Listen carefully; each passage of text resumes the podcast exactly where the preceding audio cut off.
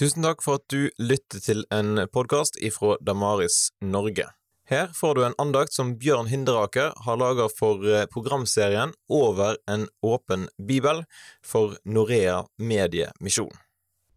Dette er den femte i serien på fem andakter som jeg har kalt Veien til hvile.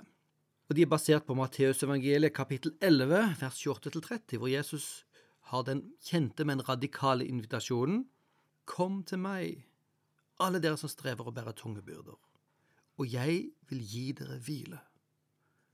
Ta mitt åk på dere og lær av meg, for jeg er mild og ydmyk av hjerte, så skal dere finne hvile for deres sjel. For mitt åk er godt, og min byrde er lett. I denne nakten vil vi fokusere på de ordene av Jesus hvor han sier Lær av meg, for jeg er mild og ydmyk av hjerte, så skal dere finne hvile for deres sjel. Vi har snakket i denne serien om byrdene ved livet. Livet er en belastning, kan være belastning på mange ulike vis, og vi trenger hvile. Vi trenger hvile innimellom. Og så er det også slik at Jesus inviterer oss til en større type hvile, nemlig den store hvilen hvor dette dødens slør ble løftet fra hele skaperverket og fra oss, og hvor død og smerte og sorg og ondskap ikke lenger skal være der. Og så sier Jesus at ok, dette er ikke bare noe som skjer i framtiden, men dette er noe som vi skal få lov å erfare noe av, smake av allerede her og nå. Og derfor sier han, lær av meg. Vi skal gå i skole hos Jesus. Vi vet jo at Jesus samlet seg det vi kaller disipler, som egentlig betyr elever, studenter, eller mer lærlinger, hvor teori og praksis gikk sammen, og hvor de reiste rundt sammen med Jesus og hørte Jesus mange ganger, underviste folk, underviste ganske sikkert det samme veldig mange ganger, eh, og vi har mange av disse fortellingene i evangeliene i Nytestamentet. Og det er slik at Jesus var ikke så opptatt av å ha mange tilhengere. Faktisk så han det som litt problematisk. Men han var veldig opptatt av å ha elever. Så når han ga det som vi kaller misjonsbefalingen i slutten av Matteusevangeliet, kapittel 28, så snakker han om gå derfor ut og gjør lag disipler, altså lag elever av mennesker. Så elever, det folk som skulle lære, var en sentral ting. Og det er viktig faktisk i temaet hvile, for hvile er noe vi trenger å lære. Det er ikke bare en, en ting som skjer automatisk. Det er jo faktisk slik at det er noen typer meditasjon som tilbyr en sånn slags hvile, hvor vi kan koble oss fra stress osv. Og, og de har ofte en, en god effekt fysisk. Men det er en del ting som både går på relasjoner og livet generelt, og verdens ondskap, og ja, det vi kaller det dødens slør som ligger over oss, som vi ikke bare kan meditere vekk, men som vi er nødt til å forholde oss til. Og det er den hvilen Jesus inviterer oss inn i. Og da inviteres Jesus oss ikke først og fremst til en øvelse av i meditasjon, men en øvelse i tillit. Skal vi nemlig kunne hvile, da er vi nødt til å stole på noen andre. Da er vi nødt til å stole på noen andre som bærer oss. Og Hvis du leser Bergpreken, så ser du noe av dette preget i Jesu undervisning. Se på liljene på marken, de strever ikke med antrekket sitt. Se hvor vakkert Gud kler de. Se på fuglene under himmelen. Gud fôrer de. Vær ikke bekymret.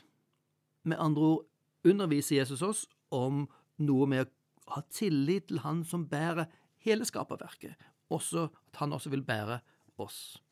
Og Jesus utfordrer oss også i bergpreken til nettopp å bestemme ja, hvor plasserer du livsskattene dine, livsprosjektene dine?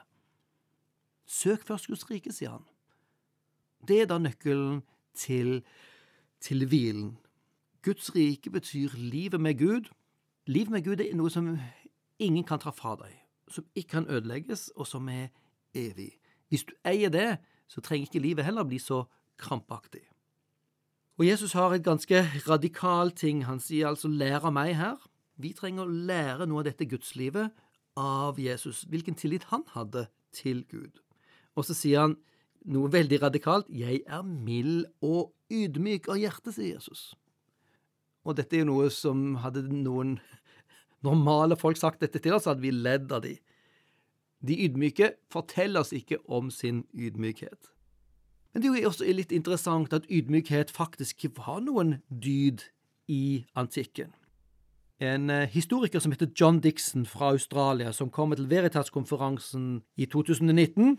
Han har forsket på dette begrepet ydmykhet, og han påpeker at ydmykhet ble sett på som noe veikt, som noe underdanig, noe som er for slaver og for svake i antikken. Det ble sett ned på som om du var en dørmatte eller en tøffelhelt.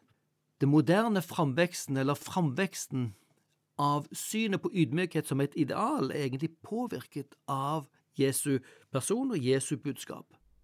Fordi den ydmykheten er jo helt avhengig av at du henter din egenverdi og din livskilde fra noe annet enn omgivelsene dine. Hvis du vet hvor du har ditt livs verdi, ok, da blir du ikke så opptatt av å måtte karre til deg selv her i livet. Og det er ikke tilfeldig at dette, denne verdien ydmykhet er knyttet til Jesus.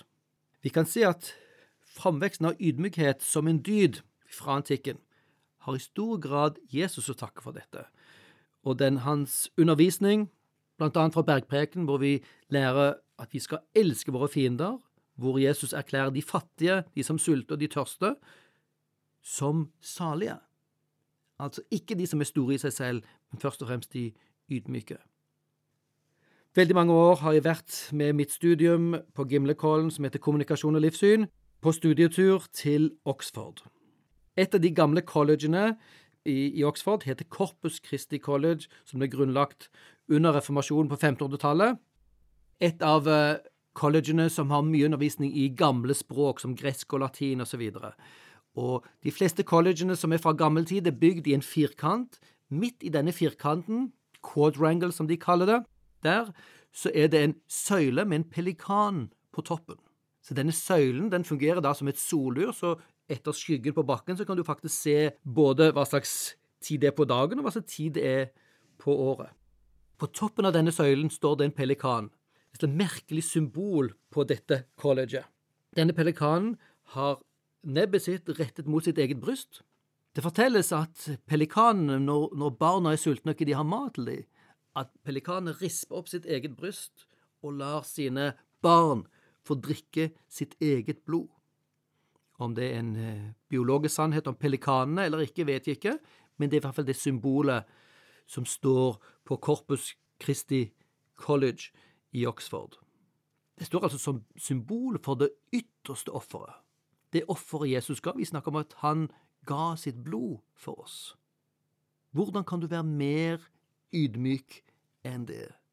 Paulus kommenterer nettopp dette med Jesu ydmykhet i Filipperbrev kapittel 2, hvor han sier ha dette sinnelaget, som er altså dette ydmyke sinnelaget som Jesus viste. For Jesus, enda han var Gud lik, så ble han et menneske, tok på seg rollen som en tjener, og ja, døde på et kors. Og det er interessant at dette er noe vi skal lære, vi utfordrer som kristne, til å ta dette sinnelaget, nemlig å ha mottatt livet vårt fra den levende Gud, som betyr at vi trenger ikke karre det til oss selv, vi trenger ikke slite og streve for å, å kjenne at vi er elsket og verdsatt, eller for at vi bevarer livet, for vårt liv er bevart hos Jesus Kristus selv, han som både døde for oss, og han som sto opp igjen, og dermed er den som gir oss og rekker oss livet, inklusive hvilen som ligger i det.